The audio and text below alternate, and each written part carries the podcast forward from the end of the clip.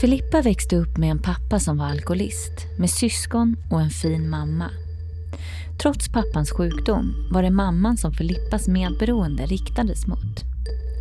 Alla känslor hon trodde att hennes mamma kände, kände hon själv och försökte så gott hon kunde undvika att negativa känslor skulle uppkomma. Hela livet har hon haft problem med sin kropp och lidit av magsår och migrän. Ändå var de här symptomen ingenting emot hur det var om andra mådde dåligt. Hon kunde ju hantera sina känslor, bita ihop och kväva det som skedde. Men hur skulle det gå för andra om hon inte var där för dem? En nära döden-upplevelse blev vändpunkten och efter det åkte Filippa in på ett retreat i Dalarna. Där fick hon möjlighet att lära känna sig själv och där möttes hon av kommentaren “Jag tror att du är medberoende”. Filippa tackade för tanken och konstaterade att det måste vara medberoende hennes mamma var. Efter en tid gick det ändå upp för henne att hon hade problem och att hon behövde hjälp. Hon kanske var medberoende ändå.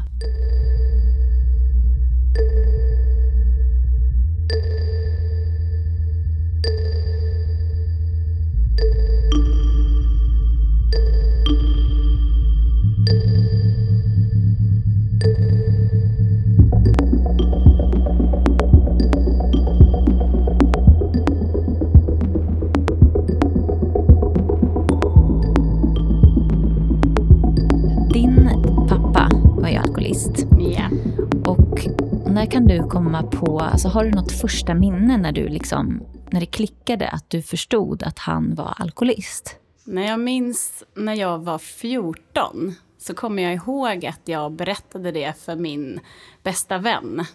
Det är det minnet jag har. Eh, så jag har ingen minne av honom på det sättet. När jag läst dagböcker och sådär så har jag sett när jag var 10-11 år att jag började skriva så här, ja, min pappa han började bete sig så konstigt och sådär. Men, men sen är det lite lustigt för att eh, jag och mina syskon, eh, vi är fyra syskon, eh, vi satt och pratade om det här en dag för kanske 15 år sedan. Och alla, det skiljer väldigt många år mellan oss, eh, mellan yngsta och äldsta så är det 14 år. Och alla trodde att han blev en alkoholist när vi själva var 14 år. Eh, så att uppenbarligen så var det väl då man blev lite mer medveten i tonåren sådär. Hur många syskon har du? Eh, tre stycken, så vi är fyra. Systrar eller bröder? Eh, en stora syster, en storebror och en lilla syster. Men på vilket sätt drack din pappa? Alltså var det liksom dagen i ända eller hur kunde, hur kunde det se ut? Så jag minns inte så himla mycket från min pappa. Han har inte spelat så himla stor roll i min uppväxt. Han var väldigt mycket bortrest. Han jobbade utomlands eh, väldigt mycket. Så det jag minns i min uppväxt var att han var borta mer än han var hemma. Egentligen. Så att min mamma har blivit en jätte, jättestor det är hon som har spelat den stora rollen i mitt liv. Och det är också henne jag har blivit väldigt, väldigt medberoende till. Men det var ingen annan i din familj som drack eller så? Nej, inte, generationer tillbaka och sådär? Farfar tror jag också var det. Mm. Eh, och han blev, blev även schizofren på slutet. Sen finns det även faster och lite sådär. Det är lite här och där. Hur var din relation till din pappa? Jag har alltid varit hans favorit, eller jag var hans favoritdotter, vilket kändes ganska jobbigt egentligen när jag var liten. För att jag var en otroligt duktig flicka väldigt bra i skolan. Eh, och han var väldigt, väldigt stolt över mig. Redan där tror jag mycket av prestationen kom in för mig. Att jag, å ena sidan så ville jag prestera och vara den här jätteduktiga, för jag klarade inte av att inte vara det. Eh, men å andra sidan så tyckte jag att det var jättejobbigt att alltid ha bäst på alla prov och man satt där och räckte upp handen och läraren sa åh så den, den bästa det är jag igen. Eh, och sådär. Så att eh, det var jobbigt att vara den där duktiga flickan. Jag skämdes för det, å ena sidan, men, eh, men samtidigt så klarar jag inte av något annat. Så att, men eh, men så, att, eh, så var det under väldigt många år. Och min pappa har varit väldigt, väldigt hård mot min bror, som jag har tagit som jag har gett min bror lite papparollen faktiskt under alla år. Det är alltid honom jag har vänt mig till när det har varit jobbigt och sådana saker. Och framförallt på senare år så har jag verkligen vänt mig till min bror. Och han fick ju ta papparollen väldigt tidigt eftersom pappa inte fanns där. Och han var ensam i familjen med alla mina, eh, med mig och alla tjejer. Så han fick axla en ganska tung roll väldigt tidigt. Tror du att du blev tilldelad den här rollen av duktig flicka eller var det någonting som du tog? Nej, jag tog den verkligen själv. Eh, framförallt så tog jag rollen... Min stora syster var väldigt, hon var väldigt stökig när hon var i tonåren. Det skiljer sju år. Hon är sju år äldre än vad jag är. Hon, hon var en väldigt vild tonåring. Och sen präglades det väldigt mycket av depressioner. Hon har alltid mått väldigt, väldigt dåligt. Eh, så att hon tog väldigt mycket plats. Och jag minns många gånger som jag och min mamma eh, åkte ut och letade efter henne mitt i natten. Och mamma är väldigt, väldigt orolig person. Eh, och eh, det här, jag tog på mig mammas känslor väldigt mycket. Eh, och framförallt så tog jag på mig rollen att jag tog på mig att jag ville att min mamma skulle må bra helt enkelt. Så jag gjorde allt för att hon skulle må bra.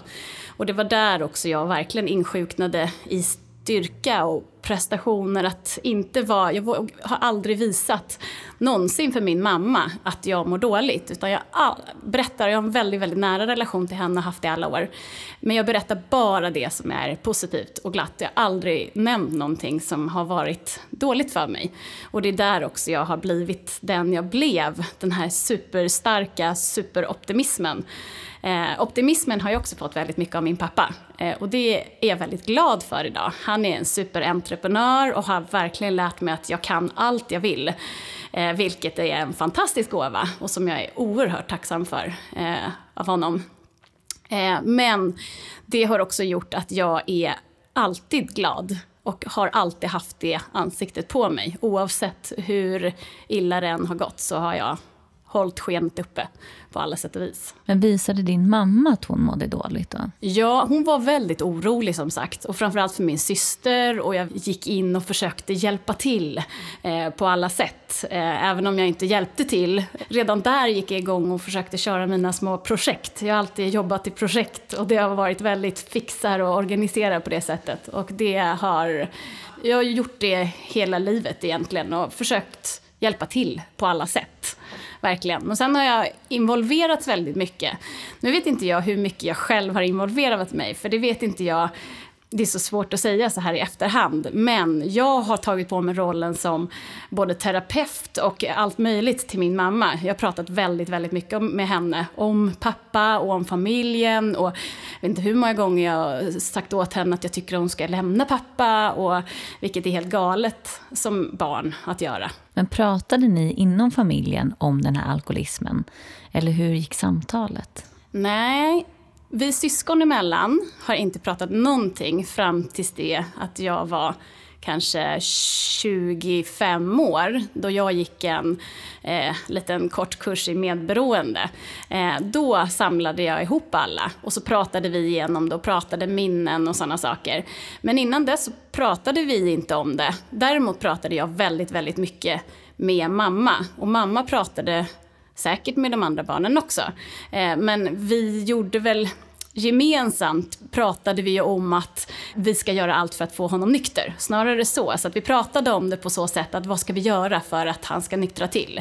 Eh, men, eh, men inte att vi pratade om hur man kände sig eller vad som hände eller vad hände där egentligen den kvällen. Eller, då var det ju många gånger som det var ja, helt tyst efteråt. Just det där som det är hos många såna här familjer, att det sker en kriskväll eller natt och sen så dagen efter så är det som att ingen har hänt och man bara låtsas som ingenting allihopa. Men hur kunde en sån kriskväll se ut? Min pappa har varit väldigt... Eh, han blir väldigt aggressiv när han har druckit. Eh, jag har alltid avundats vissa vänner som har haft alkoholister i papper. De bara går och somnar eller blir så där fjösiga och bara sitter där och ler. Och så där. Eh, pappa han har aldrig varit våldsam. Eh, inte mot mig i alla fall. Men han har varit väldigt psykiskt... Alltså, han har varit väldigt elak. Han blir jätte, jätte elak. Och framförallt mot mamma. Han har blivit elak mot mig också. Flera, väldigt många gånger. Men det är framförallt mamma som har varit den stora slagpåsen. Hon lever fortfarande med honom idag. Eh, och har gjort det i alla år. Så att hon är ju ja, hon blir slagpåsen såklart. Eh, och där har jag också, i och med att jag har hela mitt liv tagit på mig mammas känslor, så mår ju jag fruktansvärt dåligt också när han eh, gör henne illa på det sättet. Men försökte ingen göra någonting för att stoppa det här? Jo, mamma, mamma har varit väldigt bra i väldigt många år Eh, jo, vi har ju försökt alla, alla vägar man kan eh, göra egentligen. Eh, men mamma har varit, hon har räddat oss barn väldigt mycket för att hon har alltid tydligt markerat att nu har pappa druckit, lyssna inte på honom. Han pratar goja nu.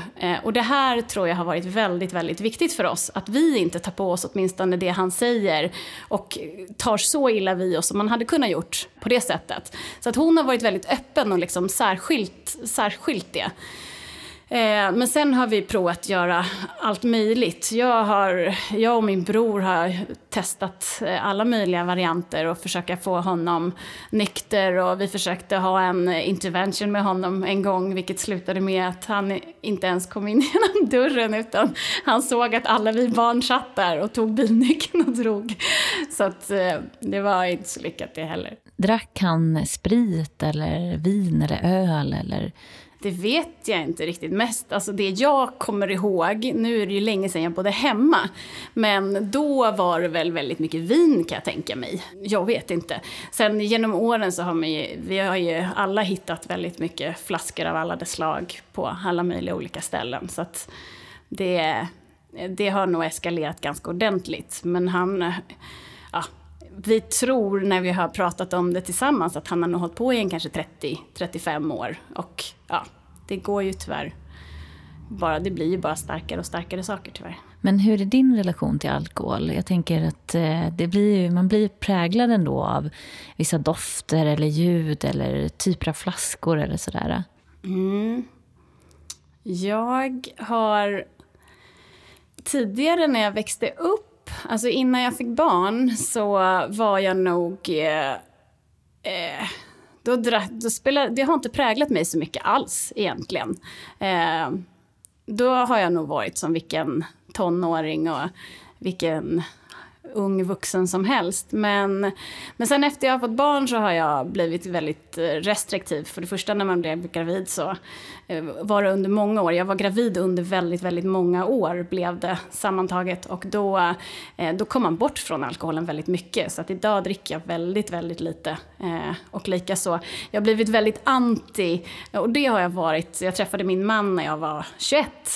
Och redan då så var jag ganska anti att dricka i hemmet. Det var en sak om det var fest och sådär, men vi har aldrig nästan haft vinflaskor hemma och druckit bara vi två. Eller det har vi i stort sett nästan aldrig gjort. Utan, eh, så på så sätt har jag blivit ganska anti eh, alkohol i det stora hela, faktiskt. Men vem var du utåt, alltså i skolan med kompisar och sådär?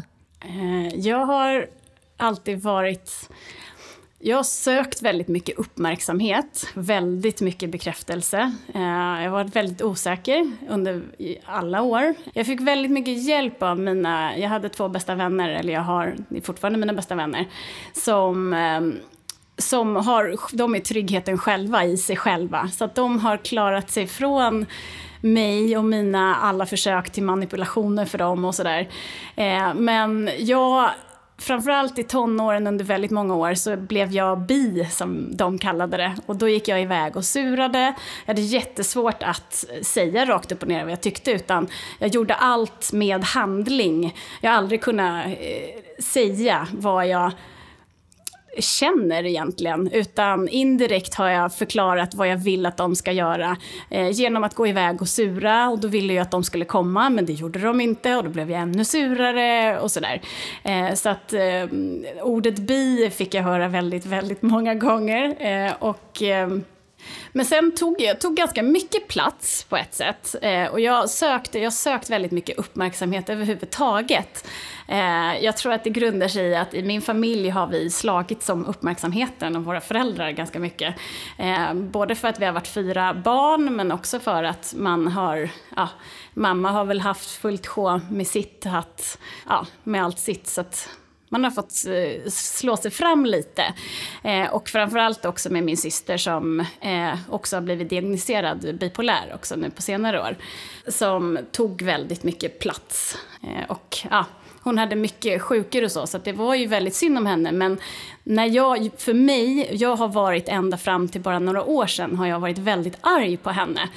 Och jag har inte förstått varför jag är så arg. Men jag har förstått det nu på senare år att det är just för att jag, hon tog, hon tog för mycket plats. Eh, som jag inte förstod varför hon skulle ha den platsen. Och jag fick för lite uppmärksamhet så. Eh, så att redan när jag var ja, det har jag sagt i väldigt, väldigt, väldigt många år, att när jag blir stor ska jag bara ha två barn så att jag kan ägna uppmärksamhet till alla mina barn.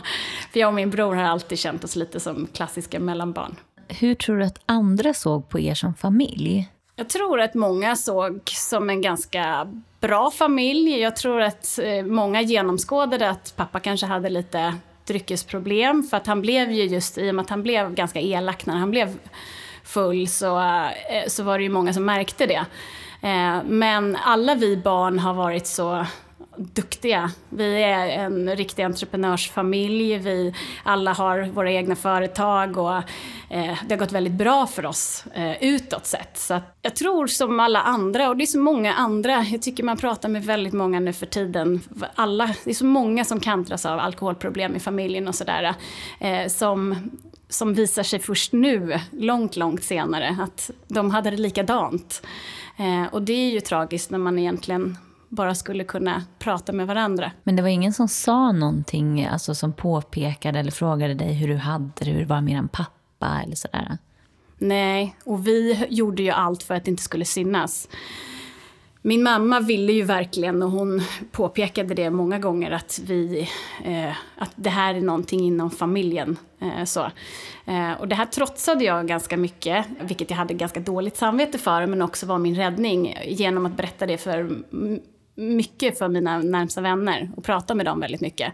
Och det är jag väldigt glad att jag gjorde. Eh, just för att de var sådana trygga personer och kunde hjälpa mig så bra också. Hjälpa mig med min självkänsla och få mig att må lite bättre så.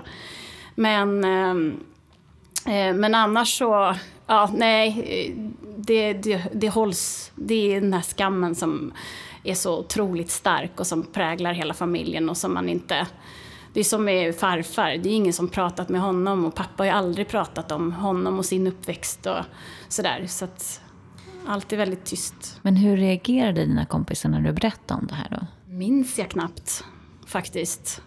De visste ju att jag... Eh, jag vet att eh, min närmsta vän, hon... Eh, hon hon, tyckte, hon förstod mig bättre när jag berättade det. Just för att ibland när pappa kunde komma in Eh, jag själv, när man har en missbrukare så lär man ju sig varenda liten millimeter av den personen. Det räcker ju med att han bara kommer gåendes på 200 meters avstånd så vet man om han har druckit eller inte.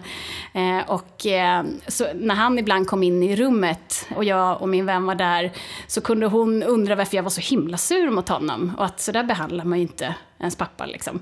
Och, men då förstod hon också att, jag, att det var för att han hade druckit också. Och då kunde jag berätta det, vilket var bra. Liksom, om du funderar eller tänker tillbaka, och så här, har du någon situation eller någonting där du verkligen kände att du var riktigt rädd eller någonting som sitter djupt i dig som du har kvar fortfarande? Nej, som sagt, pappa är inte så himla stor fokus på i min uppväxt. Det är verkligen min mamma. Som, det är där jag verkligen har varit väldigt rädd och eh, mått väldigt dåligt över. Eh, när hon är i knipa, då är jag i knipa och då mår jag jättedåligt. Eller har mått jättedåligt. Jag har verkligen tagit på mig alla hennes känslor. Vad gjorde du för att hantera de känslorna? Jag hanterar dem nog inte så mycket. Jag, vi har varit väldigt bra på, både jag och min mamma, att stänga av saker. När man, eh, när man har varit med om något så har vi blivit experter på att bara eh, förtränga det. att det har inte hänt. Eh, och det kan jag se än idag när jag pratar med min mamma och frågar lite hur det är och så är det ena veckan så är det jättebra. Eller snarare ena veckan är det jättedåligt och så några dagar senare så frågar man hur det är och då är allt jättebra och så frågar man, vad men förra veckan då? Va? Vadå, har det hänt? Så att just den där förträngelsen att eh, man bara tar nästa dag eh, istället. Det har varit väldigt mycket för mig. Eh, och eh, annars hantera, när jag, jag, har varit, jag minns väldigt många, jag har haft en fruktansvärd dödsångest när jag var liten. Och det här sitter, har jag fått förklarat för mig i efterhand, hade väldigt mycket med mitt eh, hjärta att göra. Jag eh, åkte in när jag var fyra år, så bodde vi utomlands. Eh, och och eh, då eh, började mitt hjärta skena. Eh, och det visade sig att jag hade fått en hjärtsjukdom som troligen var medfödd, som hette takykardi.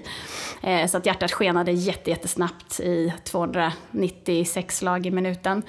Och de försökte få allt för att lugna mig där och då. Och Eh, och de var tydligen, det här har jag fått berättat för mig, att de var fem personer som höll i mig och eh, skulle försöka ta en spruta på mig. Och de kunde inte göra det, det funkade inte i armen utan de fick ta den i halsen istället. Och jag var bara fyra år och sprattlade som en liten eh, en. Så att, eh, men sen efter det så fick jag hjärtmedicin och jag låg kvar där i en vecka. Eh, och sen så, eh, sen har det blivit ganska bra. Men den där den rädslan, dödsångesten, har jag fått lära mig på senare år eh, och fått hjälp med. Den satte sig i mig, eh, så att jag har haft en jättekonstig dödsångest under väldigt, väldigt många år. I tioårsåldern är det ganska vanligt att man får en dödsångest. Och för mig var det jättestark och jag var så fruktansvärt rädd för att dö. Eh, inte egentligen var Just det här att det bara skulle bli svart, det var det jag tyckte var så himla läskigt. Och eh, jag vet jättemånga gånger som jag grät mig till sömns, Eh, och då, det har jag också alltid gjort, i och med att jag inte vill visa min mamma mina dåliga känslor, fula känslor som jag har lärt mig, eh, som är sorg och ilska. Eh, eller som jag tror, eller jag har tagit på mig själv att jag har lärt mig det. Och eh, så har jag gått iväg och alltid gråtit i min ensamhet. Och det har jag gjort ända fram till inte för så många år sedan när jag började ta hand om mig själv. Just att aldrig visa, visa mig svag eh, utåt sett så. Men den dödsångesten, jag kan passa på att berätta om det eh, här på en gång. Eh, jag var iväg på ett fantastiskt ehm, eh, ah, eh, retreatställe eh, som heter Bara Vara där de hjälpte mig. Jag hade med mig den här funderingen kring min dödsångest, för den satt kvar väldigt länge i mig. Och eh, jag var med om en stor händelse för fem år sedan, eh, där jag själv höll på att mista livet. Och då hade jag också en fruktans, fruktansvärd dödsångest. Men sen när jag kom då till det här stället, så när vi satt och gjorde en meditation, eh, så bara helt plötsligt så började det spela som en film för mig. Så att jag ser det uppifrån och ser hur jag ligger sprattlandes, eh, fyraåring, eh, och bara skriker och vill loss. Och jag ser hur massa armar och ben och människor, främmande människor håller i mig. Och sen så, och mitt, när det här skedde, när jag såg det här, så började hela hjärtat skena otroligt mycket och jag blev jättesvettig och allt vad det var. Och sen när den här meditationen var slut så räckte jag upp handen och sa åh, jag måste få berätta vad som hände mig. Och då stannade de mig, jag började berätta och så sa de stopp, hur känns det i dina händer nu? Så sa jag det, ja men jag är iskall om händerna men jag är supersvettig och hjärtat skenar fortfarande. Och sen så lät de mig fortsätta pö om pö hela tiden och så frågade de hela tiden hur känns det i händerna, hur känns det i fötterna? Eh, och så när jag hade berättat klart så frågade de just det, hur känns det nu då? Äh, men nu är händerna jättevarma. Och så sa de det att nu är rädslan, rädslan sitter i händerna och nu är den borta. Och så frågade de just, vad skulle du vilja göra nu? Vad skulle du vilja gjort om, när du ligger där? Vad vill du göra när du ser det här? Sa jag det, men jag skulle vilja bara sparka bort dem. Ja, men ställ dig upp och gör det. Och så fick jag ställa mig upp, så jag fick gå igenom allting och ropa efter mamma och sådana saker. Och sen efter det så är min dödsångest helt borta. Så den är, det var verkligen knutet till min kropp. Eh, och eh, ja, det, satt, det satt i kroppen som mindes allt det här sedan jag var fyra år. Men hur var ditt för, Jag tänker att den känslan, i och med att du säger att det satt i kroppen. Mm. Hur var ditt förhållande till din kropp?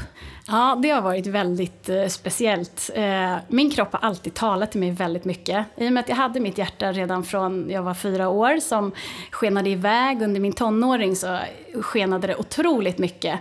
Jag, så fort det började skena så var jag tvungen att lägga mig ner på ett gärna iskallt golv eh, och ha andningstävling hade jag med alla mina vänner. Eh, för då hoppade liksom det till rätta igen och det här kunde ta allt mellan tre till två, tre timmar. Eh, och jag tränade väldigt mycket. Duktig som jag var så hade jag, eh, jonglerade jag med alla sporter. Jag var elitgymnast, jag gick på fotboll, jag trä, tränade även hockey ett tag samtidigt, allt det här. Eh, och eh, det och här är också en sak, jag har alltid jämfört mig med alla människor. Med min känslan, självkänslan har varit väldigt eh, kass, så allt jag gör jämför jag mig med. Och i och med att mina bästa vänner eh, var väldigt också supersportiga och tränade massor så tyckte inte jag att det var inte så farligt jämfört med dem. Som tränade två saker till i veckan. Men i alla fall, mitt hjärta klarade inte det särskilt bra. Så att i tonåren, i kombination med väldigt mycket psykisk press också med min pappa och alltihopa, min mamma och sådär, så eh, fick jag den här takikardin kanske två, tre gånger om dagen, vilket var väldigt, väldigt jobbigt. Så att hjärtat har varit väldigt centralt för mig. Och eh, det här höll på ända fram till jag var kanske 20-25 och då hade de sagt till läkaren att jag skulle, det skulle växa bort eh, så småningom. Eh, vilket det gjorde. Eh, och, men sen har min kropp, jag har dansat mycket och jag har som sagt varit gymnast, vilket gör att jag har en väldig kroppskontroll. Och min kropp har alltid talat till mig väldigt, väldigt mycket och gett mig väldigt mycket signaler eh, som jag aldrig har lyssnat på. Eh, den har, jag har haft magsår, började jag få redan när jag var 18.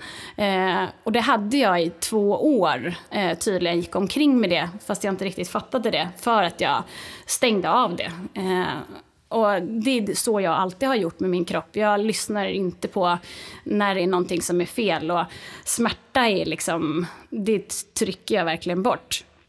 Eh, och, eh, och jag har alltid haft väldigt mycket huvudvärk, spänningshuvudvärk som det har räckt med, går man in i minsta möte och man bara spänner till lite så bara exploderar det i migrän.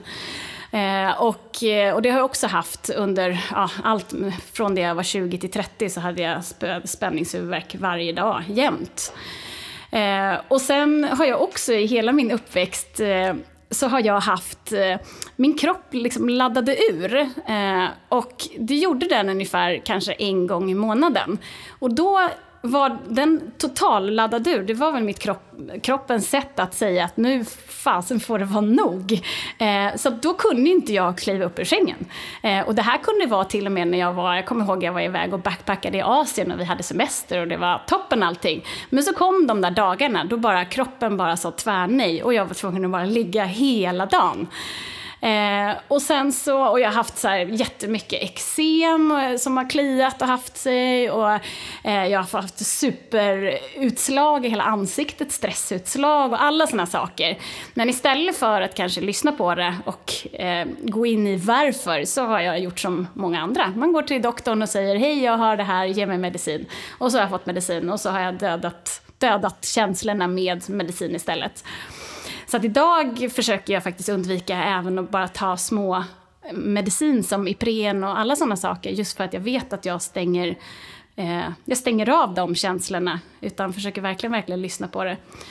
Men det nådde också sin kulmen, hela det kroppsliga, när jag var gravid med mitt eh, andra barn. Eh, då i sjunde månaden så blev jag jätte Eh, eh, jag började må väldigt dåligt. Eh, händerna var jättesvullna och eh, jag flåsade otroligt. Jag hade ingen som helst kondis eh, alls. Eh, men jag tyckte att det här är väl så som alla ska må. Eh, folk klagar ju så mycket när de är gravida tänkte jag, så det är väl så här det är. Mitt första barn, första graviditeten tyckte jag hade varit jättebra så. Eh, men sen så eh, sen eh, gick det några dagar och sen kände jag att det var något som kändes verkligen helt fel. Så då åkte jag in till min barnmorska och så sa hon att hon såg på mig på en sekund att det här är riktigt illa, du måste åka till akuten på en gång. Och så åkte jag in dit och då visade det sig att bebisen i magen, att hela magen var fylld med både blod och vatten och bebisen i magen mådde jättedåligt. Hon, eh, eh hon i efterhand så har jag fått reda på att det var ett virus som heter parvoviruset som gjorde att hon eh, fick blodbrist och eh, syrebrist så att hon, eh, hon tappade väldigt mycket blod och så eh, och klarade sig inte därför. Eh, men i kombination med det här, jag fick reda på det här då, det här är precis fem år sedan, eh, på dagen nästan, i måndags. Och eh, eh, jag fick reda på det på fredagen. Och de slussade mig vidare till Karolinska som har bästa möjligheten att ta hand om för tidigt födda barn. Eh, och så åkte jag dit och det är galet men sjukvården fungerar inte så bra på helgen. men jag hade tur som fick en tjej att kunna göra ett ultraljud i alla fall precis innan hon gick hem på fredagen. Eh, och det var då det visade sig att barnet mådde väldigt, väldigt dåligt. Eh, och, eh, så då förstod jag att det eh, gick, ja, det, det, såg verkligen inte bra ut för barnet. Men sen började de titta på mig också och insåg att jag, mina inre organ fungerade inte. Eh, så att jag hade gått, eh, jag vet inte hur länge, men jag hade börjat känna känslan redan två, tre veckor innan. Eh, och eh, ja, bara struntat i den. Eh, men, men mina inre organ, både njurar, eh, njurarna funkade inte, ja, eh, lungorna var helt fyllda med vatten och ena hjärtklaffen började läcka och sådär. Så att mina inre organ var eh, katastrof. Och de förstod ingenting. Eh, och det var en det var jättesvårt för mig, för att jag fick ta ett beslut redan där och då med min man att jag kände mig så otroligt hård när jag var där. Men de, eh, jag var tvungen att säga hela tiden att ni måste, eh, ni måste prioritera mig. Jag måste gå före det här barnet. För att jag vill inte åka in och ut eh, på sjukhuset eh, för det här barnets skull för att det sen ska dö. Eh, utan ni måste, ni måste låta mig må bra eh, och överleva det här. Eh, och barnet, jag vill inte att ni håller på och återupplivar henne om hon nu dö, är på väg att dö dö så vill inte jag att ni ska göra allt för att rädda henne för att hon sen ska må dåligt. Och det här var en otrolig pers att säga, för jag känner mig så fruktansvärt kall och hård. Eh, vilket eh, egentligen, är, jag hade ju mitt andra barn hemma också som, som var ett och ett halvt, så jag ville bara hem till henne och vara en mamma för henne såklart. Eh, men jag var dessutom tvungen att säga det här kanske hundra gånger för att eh, personalen byttes ut hela tiden också. Eh, så att jag fick säga det om och om igen, vilket var nyttigt. Men, men sen på natten så flyttade de mig upp till intensiven. Och det var där jag hade någon sån hemsk dödsångest. Och här kommer en annan väldigt stark sak som jag har varit fruktansvärt dålig på hela mitt liv och det är att be om hjälp. Eh, jag kan inte be om hjälp. Jag försöker göra allt för att be om hjälp indirekt. Så att vill jag något så försöker jag med handling, eh, sådär manipulera fram det, vilket oftast inte går så bra. Eh, och jag har aldrig kunnat säga orden, snälla kan du hjälpa mig? Eh, och när jag låg där så blev min man dessutom, han fick feber varpå han inte fick vara hos mig på intensiven. Eh, och intensiven i sig var fruktansvärt att ligga på för att jag var den som var friskast där, eller verkligen vid mest medvetande. Och man såg liksom bland draperierna där så låg det fötter som stack fram och allt var bara, det var bara maskiner. Och det kändes något som så otroligt gränsen mellan liv och död när jag låg där. Eh, men, och min man då fick inte vara där och jag hade ju hur enkelt som helst bara kunna lyfta luren och be vem som helst att komma, mina vänner. Men eh, det, var, eh, det gjorde jag inte, för det här klarar jag, tänkte jag. Eh, och sen på natten så bröt jag helt ihop och var så himla ledsen. Och eh, så kom det en manlig sköterska förbi och var så här, oj, hur är det, mår du inget bra? Och så sa jag, nej men jag är så ledsen, jag är rädd för att dö och jag har förlorat mitt barn, mår jättedåligt och allt är pest fest. Jaha, okej. Okay. Och sen så gick han. Och det var, man ville så gärna bara att han kunde lägga en hand. Ja. Men så är det väl. Jag kan förstå det också på intensiven. Där handlar det inte om att pjoska så mycket utan där är det, lever jag eller lever jag inte? Eh, men i alla fall. Eh, och sen så, de visste fortfarande inte vad det var med mig. Eh, Eh, så småningom, några dagar senare, så var det en fantastisk läkare med rosa hår, en ung tjej som hade eh, hittat på nätet att det kanske kunde vara någonting som heter eh, spegelsyndromet, som innebär att alla mina allt som sker med bebisen i magen sker med mig. Eh, vilket är en otrolig symbios man lever i, insåg man där och då. Och att eh, skulle jag föda ut henne så trodde hon att mina värden skulle börja gå upp. För att mina värden gick bara drastiskt neråt hela tiden. Och sen så på, när hon hade kommit fram till det så, eh, så, skulle jag, så skulle det ske massa saker. Jag skulle ner på nytt ultraljud och sådär. Och då ville jag så gärna att min vän som är läkare skulle komma till mig så hon kunde vara vid min sida när det här hände. Eh, och så ringde jag henne och eh, likaså där, jag kunde inte be om hjälp utan jag pratade hej hur mår du och lite sådär. Och sen så, så sa hon till och med, vill du att jag ska komma? Nej, nej, nej, nej, det behövs inte. Så till och med där, när jag får frågan till mig så klarar jag inte av att säga ja, för det kommer så reflexmässigt, nej, det går bra, jag klarar mig.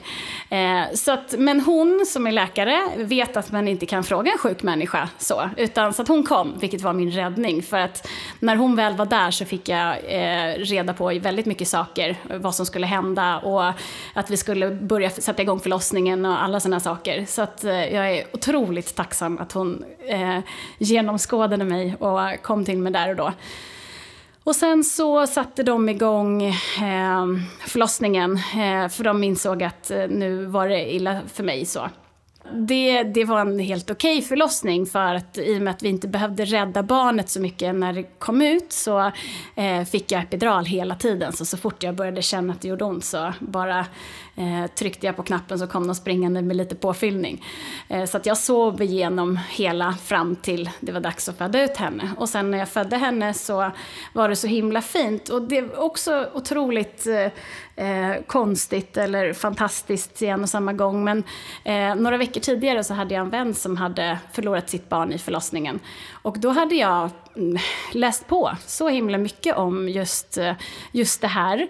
Eh, hur det är att förlora ett barn och hur viktigt det är att man fotograferar barnet, att man tar det till sig, att man har begravning. Så att jag hade läst till med allting.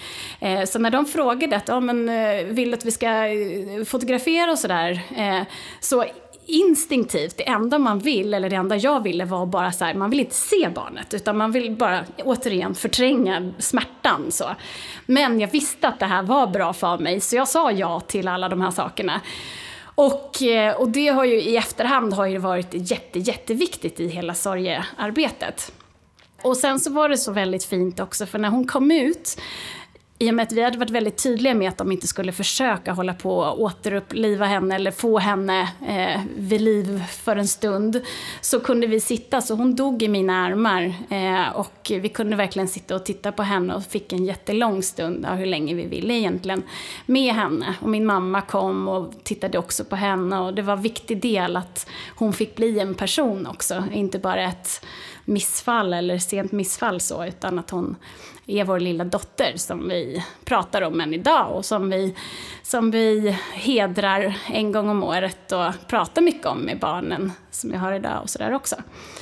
Eh, och, men, och det fantastiska var att en timme efter den här förlossningen så började mina värden gå upp igen. Och bara tio dagar senare så stod jag på benen och lämnade sjukhuset och var som, nästan som att ingenting hade hänt.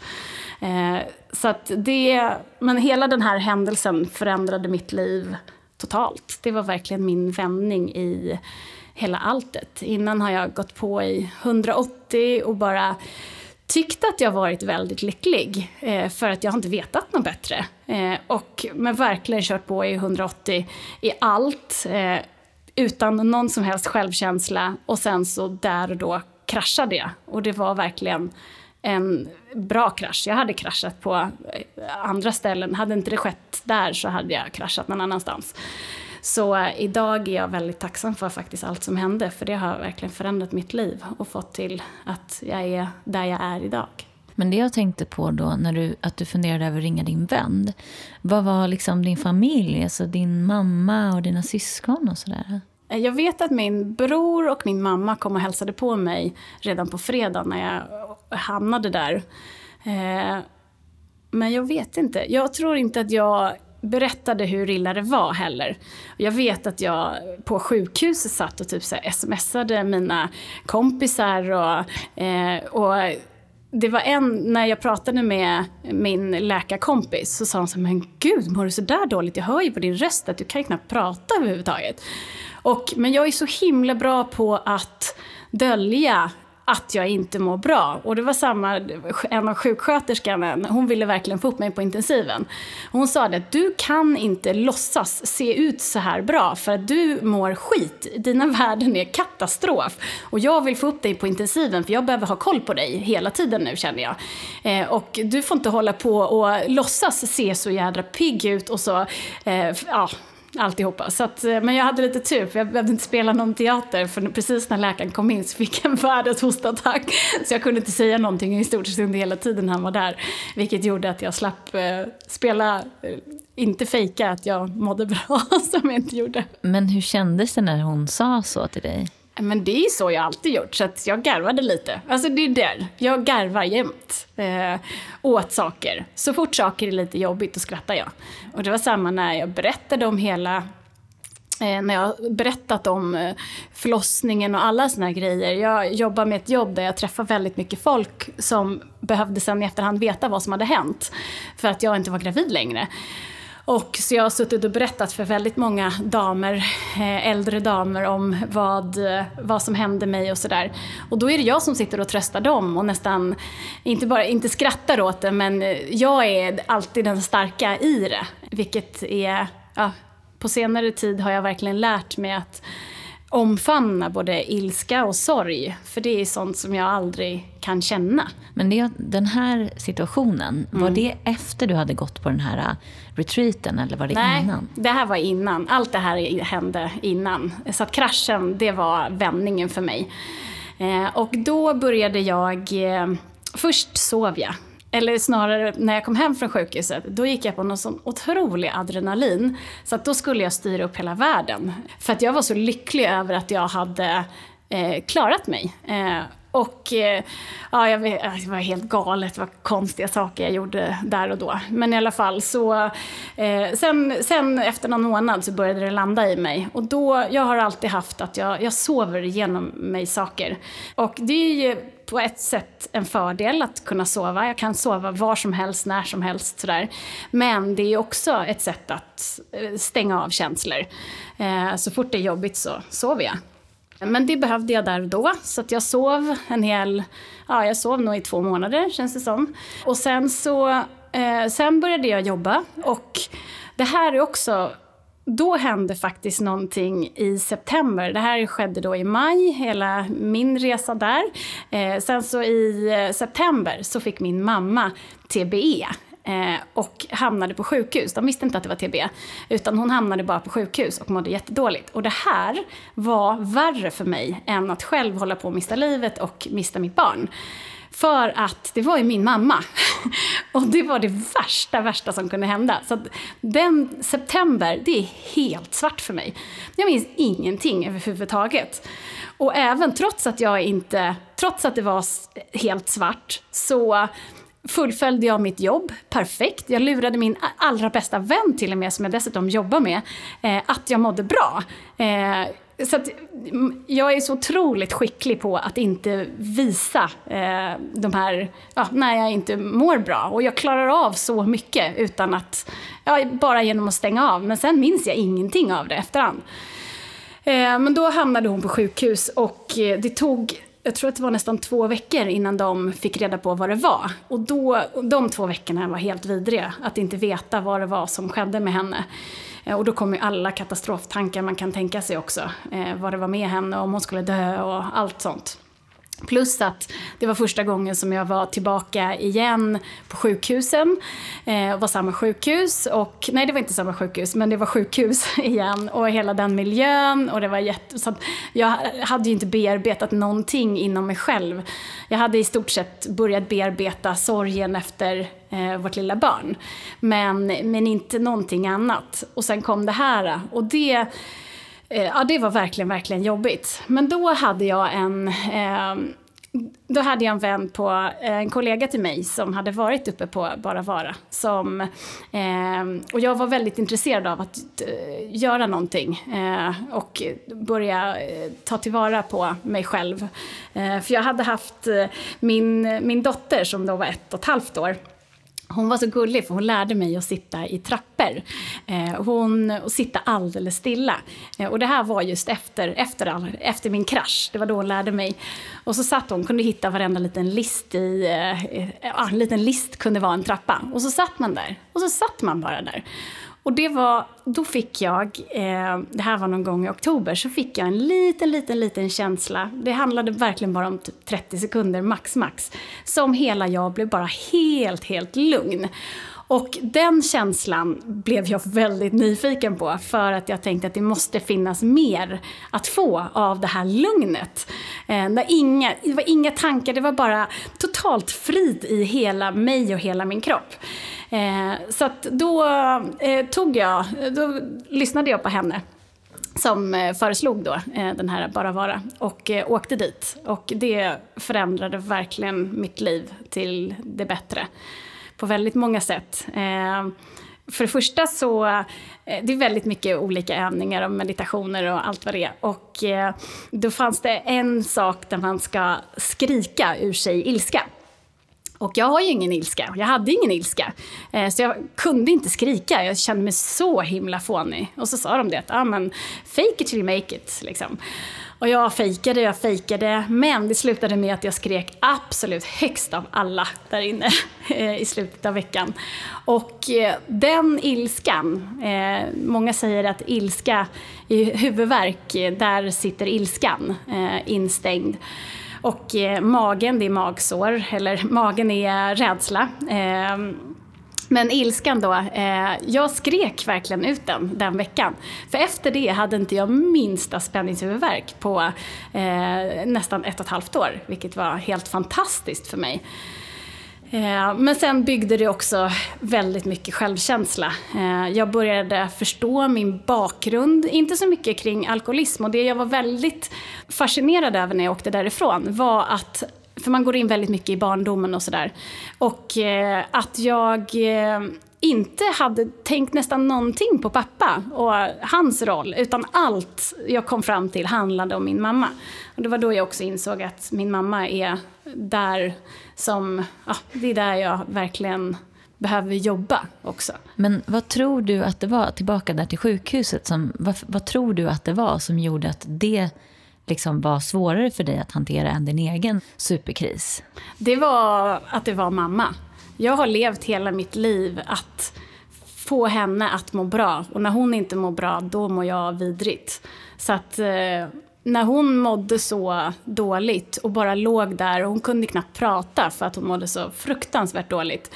Eh, och det var helt hemskt. Jag, det gick inte, det bara kraschade för mig. Men var det att du kände liksom maktlöshet eller vad tror du att det var som hände i dig just? Alltså även om hon var i den situationen så måste det ha väckt jättemycket turbulens inom dig, tänker jag. Det var väl säkert mycket att jag inte kunde hjälpa henne, eh, såklart. Jag har väl eh, den här kontrollen som man får som medberoende är ju applicerbar i alla relationer och överallt. Och jag har väl alltid försökt få ha kontroll över hennes känslor och jag har tagit på mig hennes känslor, vilket också är helt galet. Eh, och jag har inte ens tagit på mig hennes känslor, jag har tagit på mig de känslorna jag tror att hon har. Eh, så eh, jag tror att kontroll över att jag inte eller kontroll över att inte veta vad som skulle ske. Och just det här, för jag själv, jag klarar mig alltid. Eh, det har jag alltid känt. Men mamma, hon är mamma, henne behövde jag rädda och jag kunde inte rädda henne. Det var väl det tror jag. Mm. Ja, makt, ja, maktlösheten att inte kunna göra någonting. Jag kunde bara vara där och det var hemskt. Men det här, det, den rollen då, att ta på dig andras känslor och se till att att det här obehaget försvinner och så. Är det någonting du har haft med dig även i andra relationer eller är det bara till din mamma? Nej, min dotter också har jag också gjort det väldigt mycket med. Eh, jag kom på mig själv nämligen eh, för bara, ja det var något eh, år sedan när vi var på en eh, skola av, eller eh, det var en sån här förgrej till hon skulle börja skolan. Eh, och jag insåg att jag stod och höll henne på hjärtat så här. Eh, hon, jag hade henne framför mig mellan benen. Och så var det upprop och eh, alla skulle säga sitt namn. Hon är väldigt, väldigt blyg. Och eh, så stod jag och höll min hand på hennes hjärta. Och så kände jag hur det slog så himla snabbt. Och jag kände hur mitt hjärta började så slå jätte, jättesnabbt. Och insåg att jag blev, jag började ta på mig hennes känslor direkt. Och där förstod jag att jag gjorde det även med henne. Och det gör jag väldigt mycket. Jag tror att jag har haft väldigt svårt att bli arg. Eh, jag har nästan lite överdrivet eh, tålamod, framförallt i mina barn. Och, eh, eh, men det är för att jag inte kan sätta gränser och jag förstår dem så mycket att jag har sån otrolig överförståelse till dem. Och det är nog för att jag går in i deras känslor och vad jag tror att de känner så himla mycket. Att jag inte kan sätta upp de här gränserna för mig själv mot dem och sådär och bli arg. Det är intressant det här med att det var ett så att säga, spegelsyndrom du hade med, med din eh, dotter då, som inte överlevde. Det låter ju som att det är någonting som ändå har varit nästan en mekanism i dig hela tiden, även om det inte är på det sättet förstås. Men var det i samband med det här då, bara vara, som du började komma i kontakt med att eh, ditt mående och ditt beteende kanske kunde ha någonting att göra med din uppväxt och också då eh, din pappa på något, på något hörn där? Mm. Eh, det var jättemycket som föll på plats när jag var där och jag började förstå mycket varför jag var så svartvit. Eh, efter Bara vara så blev jag mycket mer nyanserad. Eh, och, och när man är där, deras eh, grej, eller vad man ska säga, deras mål är att man ska försöka känna alla spektrum av alla känslor, inte bara vissa, utan också komma nä så nära känslorna man kan komma. Eh, så att jag blev medveten om väldigt mycket. Eh, att jag saknade ilska och sorg eh, i mitt känslospektra. Och att jag var fast i skam och skuld. Eh, och eh, att jag behövde bekräftelse väldigt mycket, förstod jag också. Men sen var det många delar som jag inte riktigt eh, fattade varför. För jag tyckte att många av sakerna i mitt, till exempel jag har alltid varit en perfektionist verkligen när det kommer till jobb och allting. Jag kan inte släppa. Själv är bäste dräng, det liksom, har verkligen varit mitt motto. Jag har haft jättesvårt att släppa eh, olika saker till kollegor och så, utan för att jag vet att jag gör det bäst själv. Vilket är väldigt kontroll så. Och det släppte jätte, jättemycket tack vare att jag blev medveten om var det kom ifrån och sådana saker. Så att jag insåg när jag var på de här, jag åkte igen, igen sen en andra omgång eh, ett år senare. Eh, men att när jag liksom hittat liket i garderoben och var det kommer ifrån, då bara puffade de här eh, karaktärsdefekterna bort. Men sen var det vissa defekter som jag inte förstod eh, alls. Och sen andra omgången jag var där, då fanns det en person där som eh, tipsade om, han sa det, jag tycker du låter lite medberoende. Så nej, nej, nej, jag är inte medberoende, jag har ingen kontakt med min pappa sådär, eller jag är inte alls medberoende alls till honom, jag träffar inte honom så mycket längre och sådär, jag har brutit ganska mycket. Och, ehm, och sa, nej men jag tror att det, det, låter som att du är det. Nej men min mamma, hon är det, sa jag. Eh, och eh, jag ska nog, henne ska jag tipsa. men sen så, sen tog jag mig till ett eh, möte och eh, genomgick de tolv stegen, vilket var otroligt eh, bra. Helt plötsligt så föll så himla många bitar på plats. Och man, jag fick verkligen ja, tack vare det så har jag verkligen fått eh, en ordentlig självkänsla. Verkligen fått förstå mig själv på alla sätt och nått en sinnesro som jag inte trodde var möjlig att ha. Många som växer upp i dysfunktionella eh, familjer och så brukar ju ha en tendens att återskapa det här, att träffa partners som kanske också är dysfunktionella eller lider av beroende eller så. Hur såg dina relationer ut? Du träffade din man ganska tidigt. Mm. Fanns det något missbruk eller så där? Nej, inte alls eh, faktiskt. Han...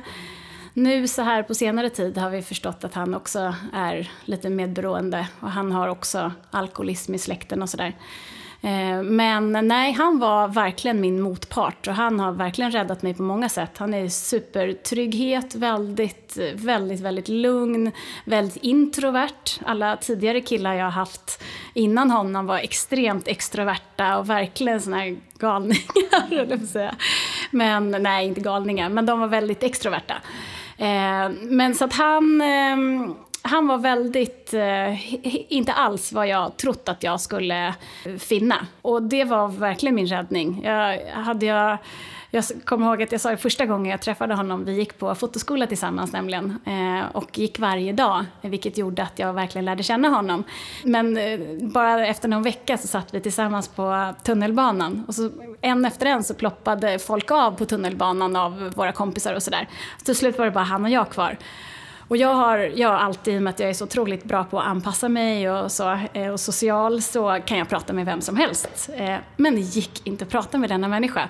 Det gick bara inte. Han var så konstig. Så att skulle någon sagt där och då att jag skulle gifta mig och leva mitt liv med honom så hade jag verkligen inte trott det. Eh, men sen så mm, sen träffades vi varje dag och jag började verkligen börja förstå honom och verkligen bli kär i honom. Så, så det tog ett tag men något halvår senare så var vi tillsammans.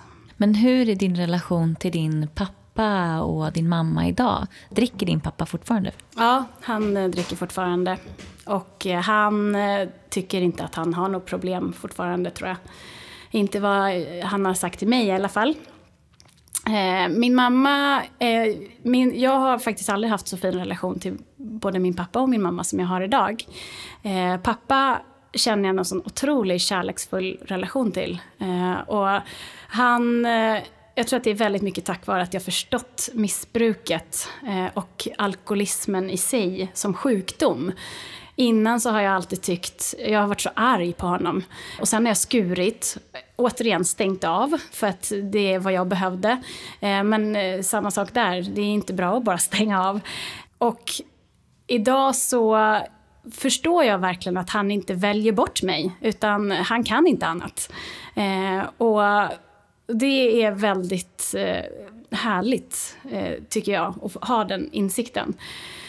Och jag blir inte arg heller när han dricker och sådär, alltså när man är med och så heller, för att jag vet hur svårt det är. Och sen så har jag också börjat se tack vare allt som har skett eh, och verkligen för programmets skull så har jag också fått en tacksamhet som jag aldrig har haft. Och just att jag är så otroligt tacksam. Jag är tacksam för det jag har och inte det jag inte har. Hela mitt liv har jag gått runt och varit väldigt arg och avundsjuk på eh, till exempel mina bästa vänner. De lever i fantastiska familjer, vilket jag är väldigt tacksam för idag att jag har fått så, stå så nära för att de har nästan blivit ja, men lite som idealfamilj för mig, någonting som jag vill sträva efter. Men jag har varit väldigt avundsjuk också för att de har det här, trots att jag fick ta del av det. Och det är jag väldigt glad för idag att jag inte haft det. Eh, men istället nu idag så kan jag se hur mycket fantastiskt fint jag och min familj har gjort. Vi, alla resor vi har gjort och allt, allt det vi faktiskt har gjort, allt jag har fått av mina föräldrar som är otroligt vackert. Hur är det med dina skam och skuldkänslor idag då? Mm. Eh, jag hela mitt liv präglats av dåligt samvete till allt och alla, men framförallt till min mamma. Det är den största, starkaste i mig hela tiden. Och eh, när jag, det började redan när jag var i tonåren. Så sa min, eh, när vi var ute och drack för första gången så hade jag så himla dåligt samvete mot min mamma. Och mina kompisar fattade ingenting och tyckte jag var så himla konstig som hade det gentemot min mamma av alla. Eh, men redan där började det och jag har alltid haft, det spelar liksom ingen roll vad hon har gjort, vad hon inte har gjort, vad jag har sagt, vad jag inte har sagt. Jag får alltid dåligt samvete när jag pratar med henne. Och eh, för jag tycker väl inte jag gör tillräckligt rätt i alla sammanhang, eller i något sammanhang så, med henne. Och eh, Eh, idag, sen, eh, eller snarare för en, två år sedan ungefär, så var det en eh, klok eh, person som sa till mig att man, man får inte dåligt samvete, man tar sig dåligt samvete. Och jag har alltid gått och sagt att ah, men min mamma ger mig så dåligt samvete och nu gjorde hon det igen. Och, eh, och det går till och med arv, dåligt samvete, för hon har också väldigt mycket dåligt samvete. Och Eh, så där och då gick det upp för mig att det här sitter ju faktiskt i mitt huvud. Och så började jag anteckna varje gång jag fick dåligt samvete.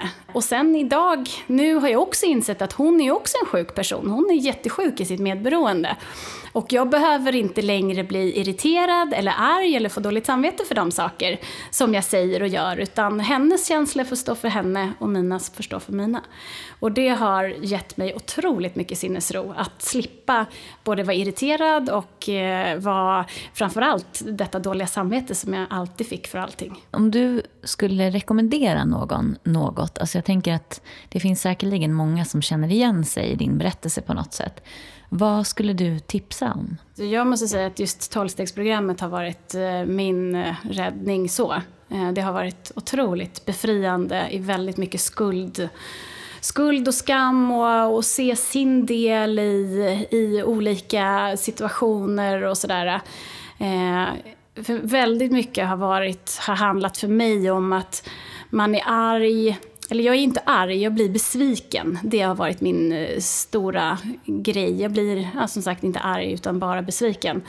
Och det här bygger väldigt mycket på förväntan också. Att jag förväntar mig väldigt mycket av personer och situationer och också är sammankopplat med kontroll. Kontroll på situationer och jag tror nu, jag liksom målar upp, kommer ihåg förut, man skulle till exempel bara men, gå ut med sina vänner och sen så hade man bestämt något och då, redan då hade jag liksom en hel bild över över hur hela kvällen skulle se ut.